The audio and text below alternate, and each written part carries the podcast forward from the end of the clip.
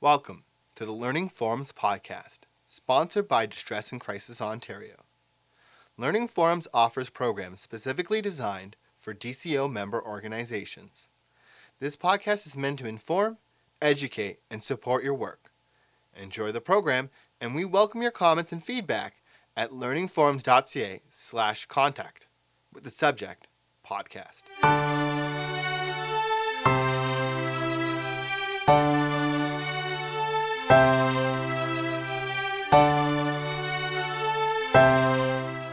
My name is Lauren Dixon, and I'm a therapist in the Eating Disorders and Addiction Clinic at the Center for Addiction and Mental Health. And I've been working with people have eating disorders for over 10 years. Um, and I'm pleased to be here today to give you some information about eating disorders and about how to respond to people when they might call in with issues related to eating disorders and seeking treatment. So, the main categories of eating disorders, which most people are probably fairly familiar with, or at least the first two, are anorexia nervosa and bulimia nervosa.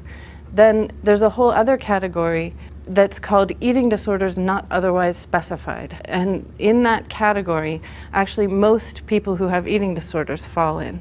Um, so that eating anorexia and, and, bulimia have very specific um, criteria, and eating behaviors can go all different kinds of directions. So that if you if a client doesn't meet criteria, the specific criteria for anorexia or bulimia, they still might have disordered behavior that that would put them in the eating disorders not otherwise specified category. Um, and one of the currently um, labeled eating disorders not otherwise specified is binge eating disorder, which um, has not been up to this point included as a diagnostic category, but remains a very prevalent, very difficult um, eating disorder for people to deal with. The criteria for anorexia nervosa are that someone has a very low body weight, so that their body mass index is, is at the low end and be- below that of, um, of the normal range they have an intense fear of becoming fat or gaining weight, even though they appear thin to everybody else. So their sense of their bodies is very distorted, and it, that can be a particularly frustrating aspect of an eating disordered person's behavior for the people around them because everybody around them is saying, well, you're not fat, you know, there's nothing to worry about. But their sense of themselves, their experience of their body is that it's bigger than it should be, that it feels uncomfortably fat. And that can be for a number of different reasons, that distortion in their perception, but that's one of the hallmarks of anorexia. Another criteria for anorexia nervosa is that people have missed their menstrual periods, although that isn't true of everybody who has anorexia, and so that's one of the criteria that's in debate for the new diagnostic manual. And people who have anorexia may have binge behaviors and they may have purging behaviors. It's that because their weight is so low, they're not bulimic. And so that's, that's one of the main differences between anorexia and bulimia is that people who have bulimia are normal weight, their BMI is within the normal range, um, and um, they have the same concerns about their weight and shape. They have the same distortions, but not to the, not to the same degree that somebody who has anorexia. Um, but they, they, and they have the binge purge behaviors. Binging is eating a large quantity of food in a short period of time, and it always has the sense of feeling out of control. That aspect of it, that sense of sort of compulsion, um, is, is a hallmark of binge eating. And then for somebody who has bulimia nervosa, they engage in compensatory behaviors afterwards. So I've mentioned purging, but purging can take the form of vomiting, it could take the form of overexercise. It might be that people spit out food that they've eaten without swallowing it, um, or they might um, diet or fast in between the times that they binge. Um, and that cycle is is sort of predominant across eating disorders in a way that people restrict and then binge and then feel guilty about binging and so they restrict again which then creates a physiological state of hunger that prompts them to binge again. So the, the cycle sort of is self-perpetuating after a while um, for people who have anorexia and bulimia and binge eating disorder. So somebody who has binge eating disorder binges but doesn't have the compensatory behaviors and they tend to be overweight because they're not getting rid of the food that they've eaten. Um, and then, but they tend also to restrict in between the, the binges. So that, that that swing from one behavior to another, restriction to overeating, is common to all of the disorders. And the way, because of the physiological effect of restriction and binging, people do often move from one area to another so that they might be anorexic and then become bulimic, or they might be um, a binge eater who then becomes bulimic because they decide to start trying to com- compensate for the binging. Um, but people move from one category to another so that one client, one individual who comes to us or who might call you may have had a very erratic pattern of eating that doesn't necessarily fall into any of the categories, but it's still severe enough that they require treatment and that treatment can be really helpful. So I think a lot of people don't necessarily identify themselves as having an eating disorder because they don't. Um, they don't see themselves as classic in one of the categories, but they still might be having very severe behaviors which are affecting their lives. Um, the ways that people um, are affected by eating disorders uh, it, cover, it covers the whole of the sort of life experience. So there's people have trouble with their health, obviously. They have trouble with cardiac issues because there's muscle wasting and people's bodies just are weaker because they're not eating enough. Um, they have dental problems because purging and vomiting brings up um, acids that erode your tooth enamel. So, a lot of times, dentists are the first ones to notice that somebody has an eating disorder because they have to come in for a lot of work. And it might be even a dentist who's the first individual tells that they have an eating disorder. They also have trouble with um, muscle wasting and just general weakness. There are bone density issues um, so that people's bones become weaker uh, over time if they've been had a long course of an eating disorder.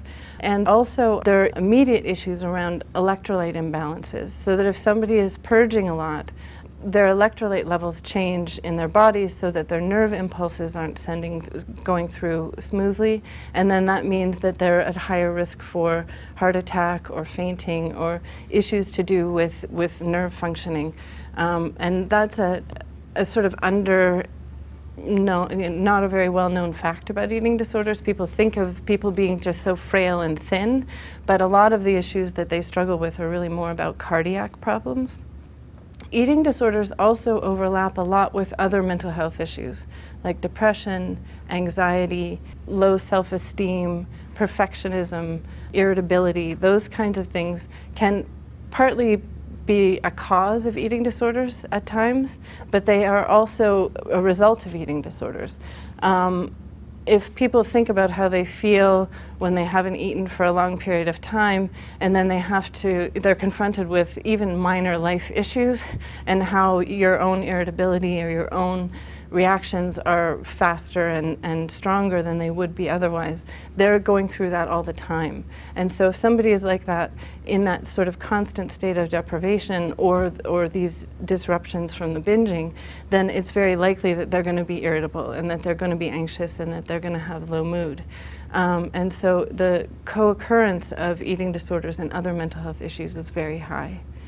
They also have issues around cognitive functioning, that they have difficulty concentrating, they are not able to put things together the way that they would if they were eating normally.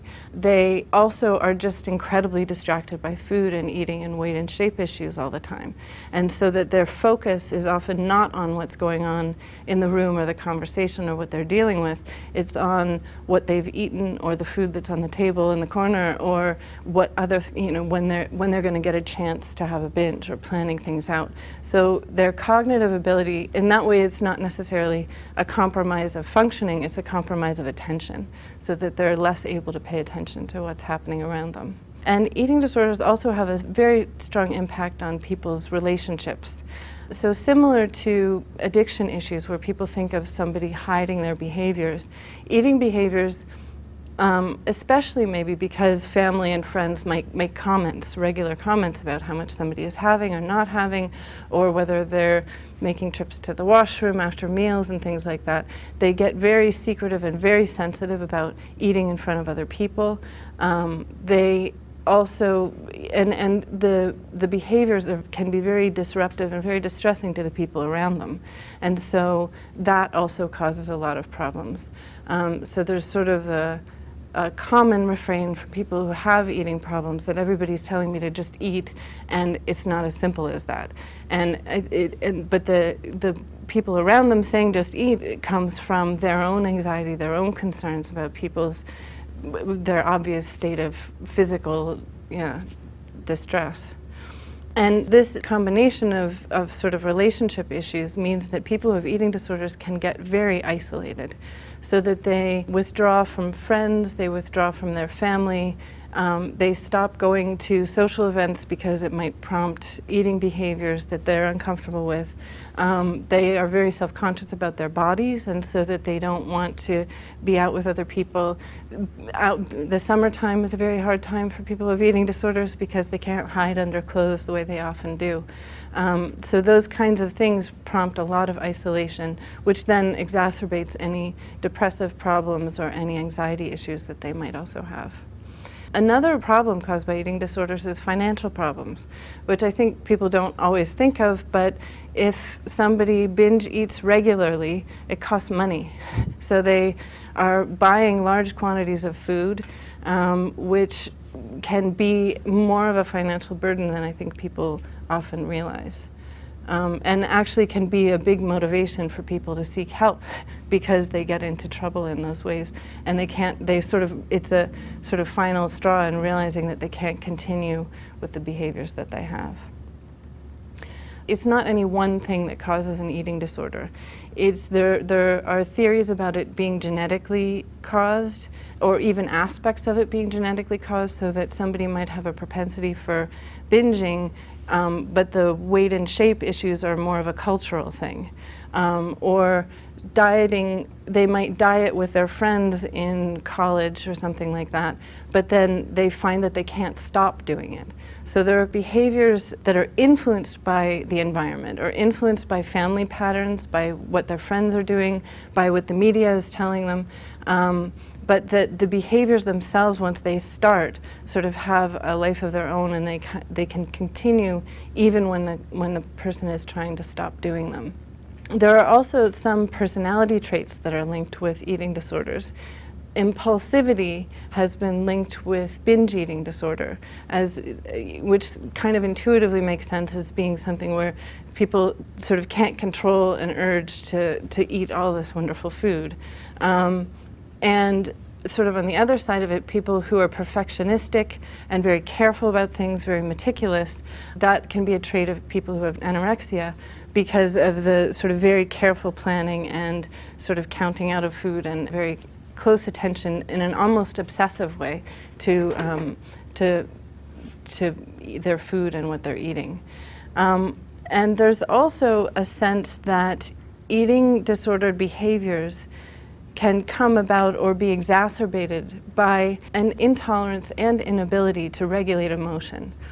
So that people who feel strong emotions and then don't quite know what to do with them, or don't know how to regulate them, or don't have other forms, other um, other means of self-soothing. They haven't learned other ways to manage those things they might resort to eating disordered behaviors, to binging, or to restricting that, that can help to soothe them, that can be a distraction, that can take over their attention and sort of help them get away from things or even w- with, um, with the more restrictive side of eating disorders, that paying careful attention to detail can be a way of feeling like things are under control, of feeling like things are ordered and everything else is sort of chaotic, but at least I know that I know exactly what I'm going to eat today and how much, and I have that under control.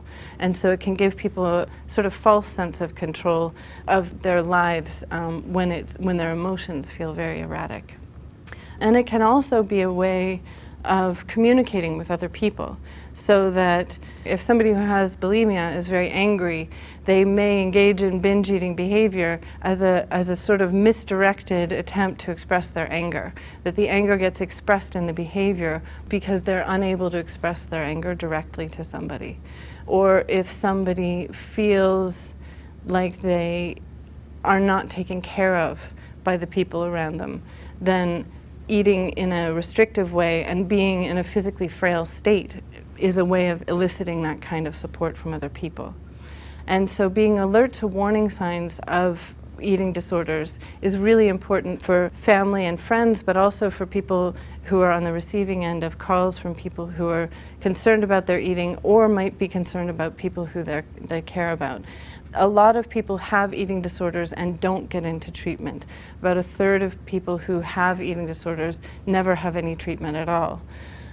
And so being aware of warning signs like weight loss, a high anxiety around being fat or being perceived as fat, preoccupation with food or with eating and calories and measuring things out.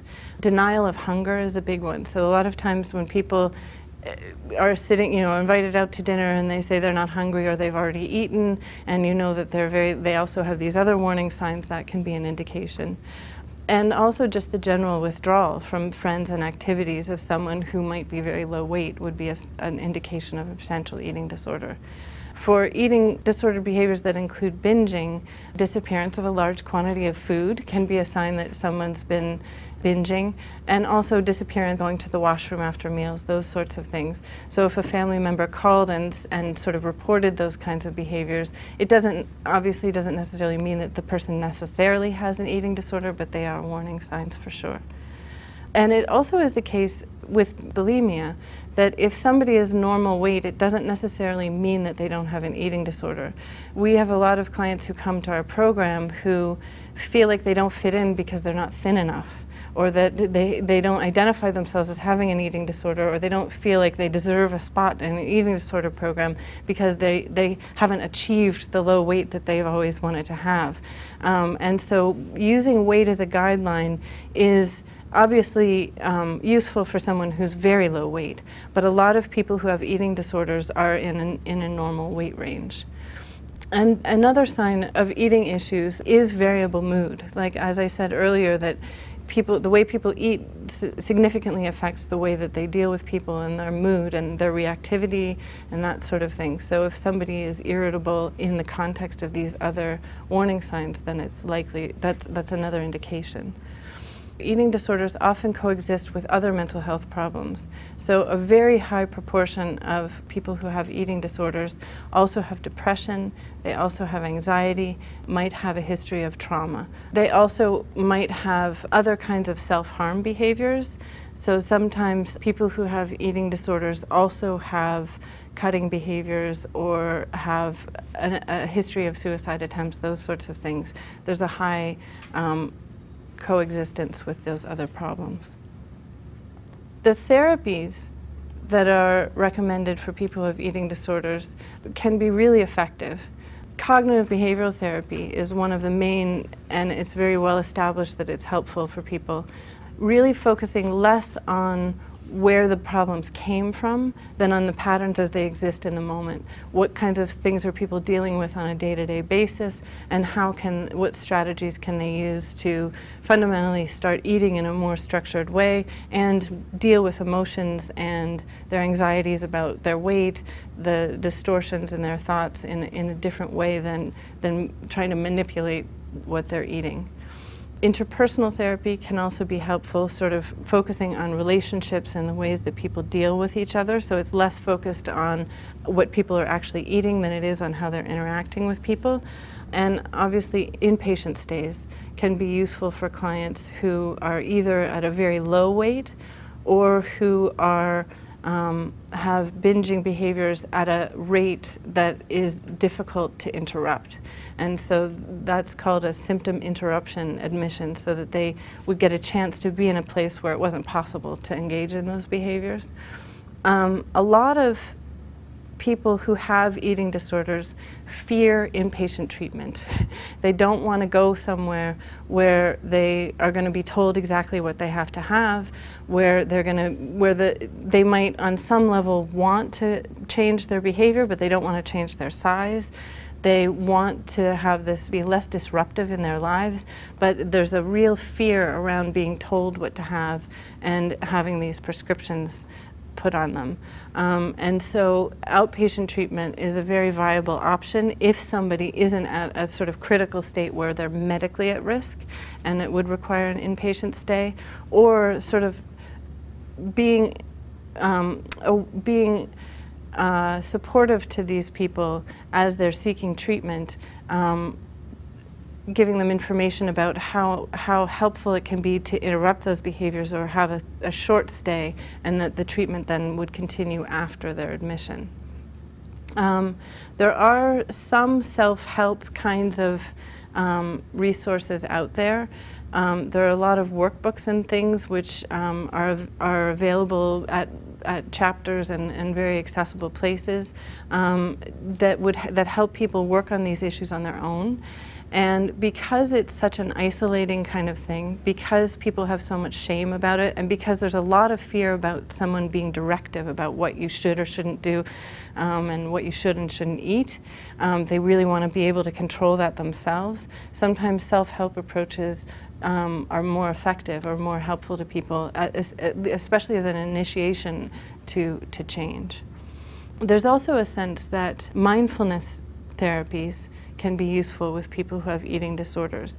Mindfulness meaning paying it, focusing on the moment and being aware of everything that's going on in the moment. Because a lot of eating issues are about escaping the moment, about not feeling what's going on, um, or about trying to manage what's going on, or judging the moment as being good or bad. And mindfulness strategies can work very well in terms of attitude towards the behaviors and towards bo- their bodies and food, but also as a way of um, developing more coping strategies around emotions, developing coping strategies around other things to do um, to distract myself when I have strong urges related to food. Um, so it's important when dealing with, when talking with someone who has an eating disorder, in terms of, because of their sensitivity often to um, being labeled with an eating disorder or their high shame about it, um, and also to being sensitive to the fact that they probably have been told by lots of people already that, that eating is a good idea. It's not they, they know they know that or that this is a message that they hear a lot. That speaking to them about their experience of what it feels like to struggle with these things or what kinds of emotions they're having related to their relationships or how they feel about themselves can be just as helpful as focusing on the food, and sometimes more so, especially as a way of establishing a rapport with somebody. If if somebody has eating issues and I focus only on their food, then their back goes up and they get anxious and they, they won't tell me everything that, that's going on in their behaviors. But if you talk to people about how um, difficult it is to seek care, how um, uncomfortable they are with their relationships, how uncomfortable they are with their anxiety about things, that is often a much more, um, a much more uh, motivating kind of approach because it's less antagonistic. Um, so focusing, even though food and weight and shape seem like the primary issue, especially with somebody who's a very low weight and it's sort of anxiety provoking to be around someone who's like that, um, focusing on their experience is way more valuable and way more um, useful.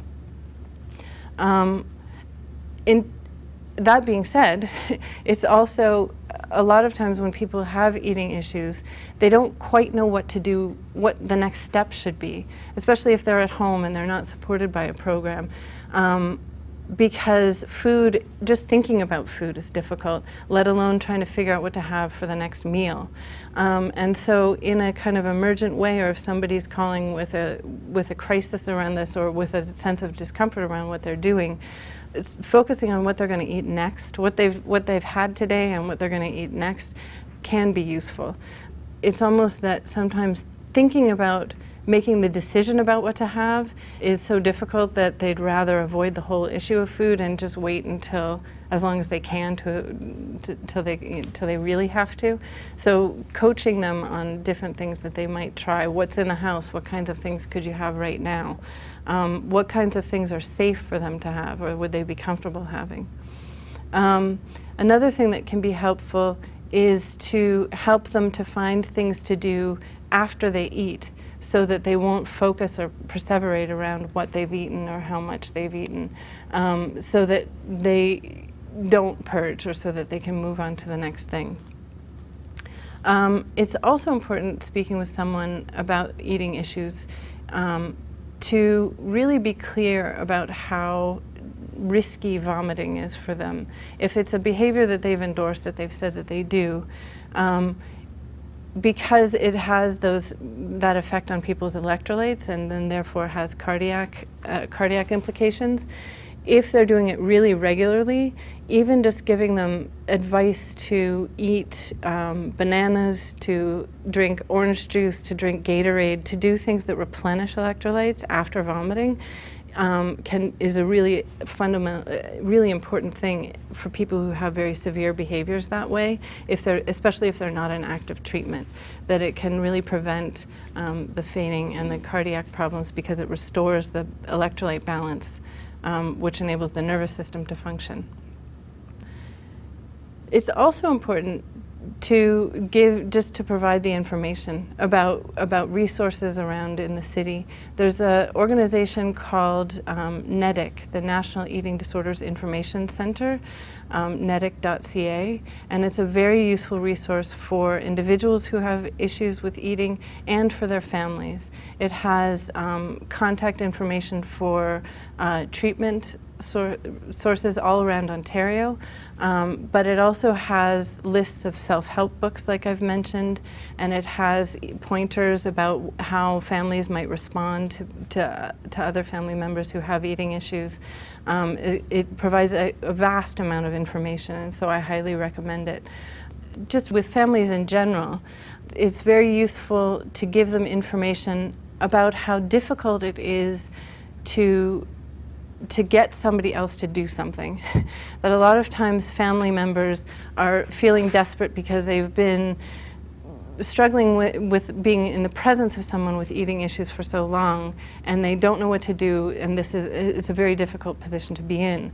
And so recommending support for family members and also advising them and reminding them of the fact that they can't force somebody to get treatment. Hearing somebody else say that it's not your fault or that you're doing all that you can do um, can sometimes be very helpful to people so the most important things are to focus on validation of how difficult it can be to have these issues with eating and on how difficult it is to contact someone and to reach out for help with them. Because they're such private behaviors, because they're such shame inducing behaviors, and because people have a lot of hesitation about changing them or a lot of fear about changing them, validating and reinforcing that the fact that they're calling and validating how difficult it is can be a really important part of those initial calls. Um, in addition to providing information about where they can seek future help and treatment. Thank you very much for coming today.